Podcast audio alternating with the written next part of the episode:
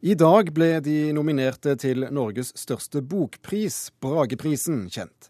Dagbladet-journalist Trude Lorentzen var en av de fire som ble lest opp i klassen for sakprosa på Litteraturhuset i Oslo. Hun er stolt over å ha blitt nominert med det som er en svært personlig bok om sin egen mor. Det, det, føles som om alt står på spill for meg nå, rett og slett. Som om jeg har lagt eh, hjertet mitt på en hoggestabbe. Eller Det er jo så stas å bli nominert, men jeg er jo samtidig Jeg føler at det blir eh, Jeg må allerede prøve å ikke begynne å være redd for å bli skuffa. for boka di den, den, handler om uh, moren din og en ganske alvorlig historie rundt den. Kunne du kort fortelle hva det gjelder? Den handler om moren min og meg, som var de to eneste menneskene i verden, så vidt jeg kunne vite, da jeg vokste opp. Hun var alenemor, jeg var enebarn. Og fram til jeg var 14 år var livet bare godt. Men så ble hun i løpet av ett år rammet av psykisk sykdom og tok livet sitt da jeg var 15 år. Og nå kan du også være den som vinner årets Bragepris når den eh, deles ut eh, om en eh, liten stund eller om noen uker. Hvordan kjennes det ut? Det kjennes jo enormt godt på vegne av problemstillingen, som jeg opplever som veldig underkommunisert, nemlig psykisk sykdom og selvmord. Å få løftet det fram og gitt det et ansikt og være personlig og skrive så det berører mennesker, det har vært veldig viktig for meg. Trude Lorentzen ble intervjuet av Elisabeth Tøtte Hansen under offentliggjøringen av eh, nominasjonene tidligere i dag. Mode Steinkjer, kulturredaktør i Dagsavisen. Blir det Trude Lorentzen som stikker av med sakprosaprisen? Hun er i hvert fall det navnet som eh, i kraft å være dagbladjournalist, magasinerjournalist, er, er, mest kjent av de nominerte. Det tror jeg nok. Samtidig så er det jo en klasse som utmerker seg i år ved at uh, også hennes roman ikke glir helt inn i det man på en måte forbinder med en, med en eh, konvensjonell sakprosabok. Hun har gjort et annet grep, og det har også i hvert fall tre av de andre To av de andre nominerte gjort, ikke minst Steffen Kverneland, som har tegnet en biografi om Edvard Munch. Første det er vel ikke ofte en tegneserie når opp i Nei, dette, dette, er første gangen en tegneserie har blitt nominert. I hvert fall da i, i en av de normale klassene, for å si det sånn.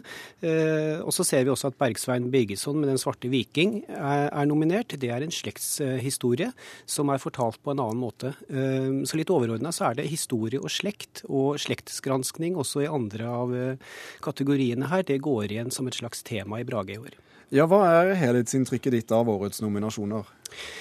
Jeg syns det er en uh, overraskende nominasjonsliste. Uh, men det er også en spennende nominasjonsliste når det er sagt. Ikke minst så gjelder det i klassen for skjønnlitteratur. Det er jo ofte den klassen som får mest uh, oppmerksomhet. I år så er det da tre lyrikere av fire nominerte. Den fjerde er da Dag Solstad som har skrevet kanskje ikke akkurat en vanlig roman, nærmest en slektskrønike over sin egen mors familie i over 400 år, med den tittelen 'Det uoppløselige episke element i Telemark i perioden 1591 til 1896'. Ikke akkurat et slående tittel, men eh, men den er da nominert uh, sammen med tre lyrikere. Så det, det, blir en spennende klasse. Hvorfor tror du lyrikken er så sterkt til stede? Den har fått mer og mer oppmerksomhet de siste åra. Det var jo også to lyrikksamlinger som var uh, nominert i fjor, så dette er jo en videreføring. Men vi ser jo også at vi har en, en juryformann som er litteraturforsker og har nordisk lyrikk som spesialfelt, så jeg vil nok tro at juryen har sett ekstra nøye etter lyrikken også i år. Sitter det noen eh, norske forfattere på skrivestuene sine og har grunn til å føle seg oversett i dag? Som regel så vil man jo finne noen av de eh, bestselgerne, kan man kalle det det. De forfatterne som får gode kritikker og som folk kjenner til.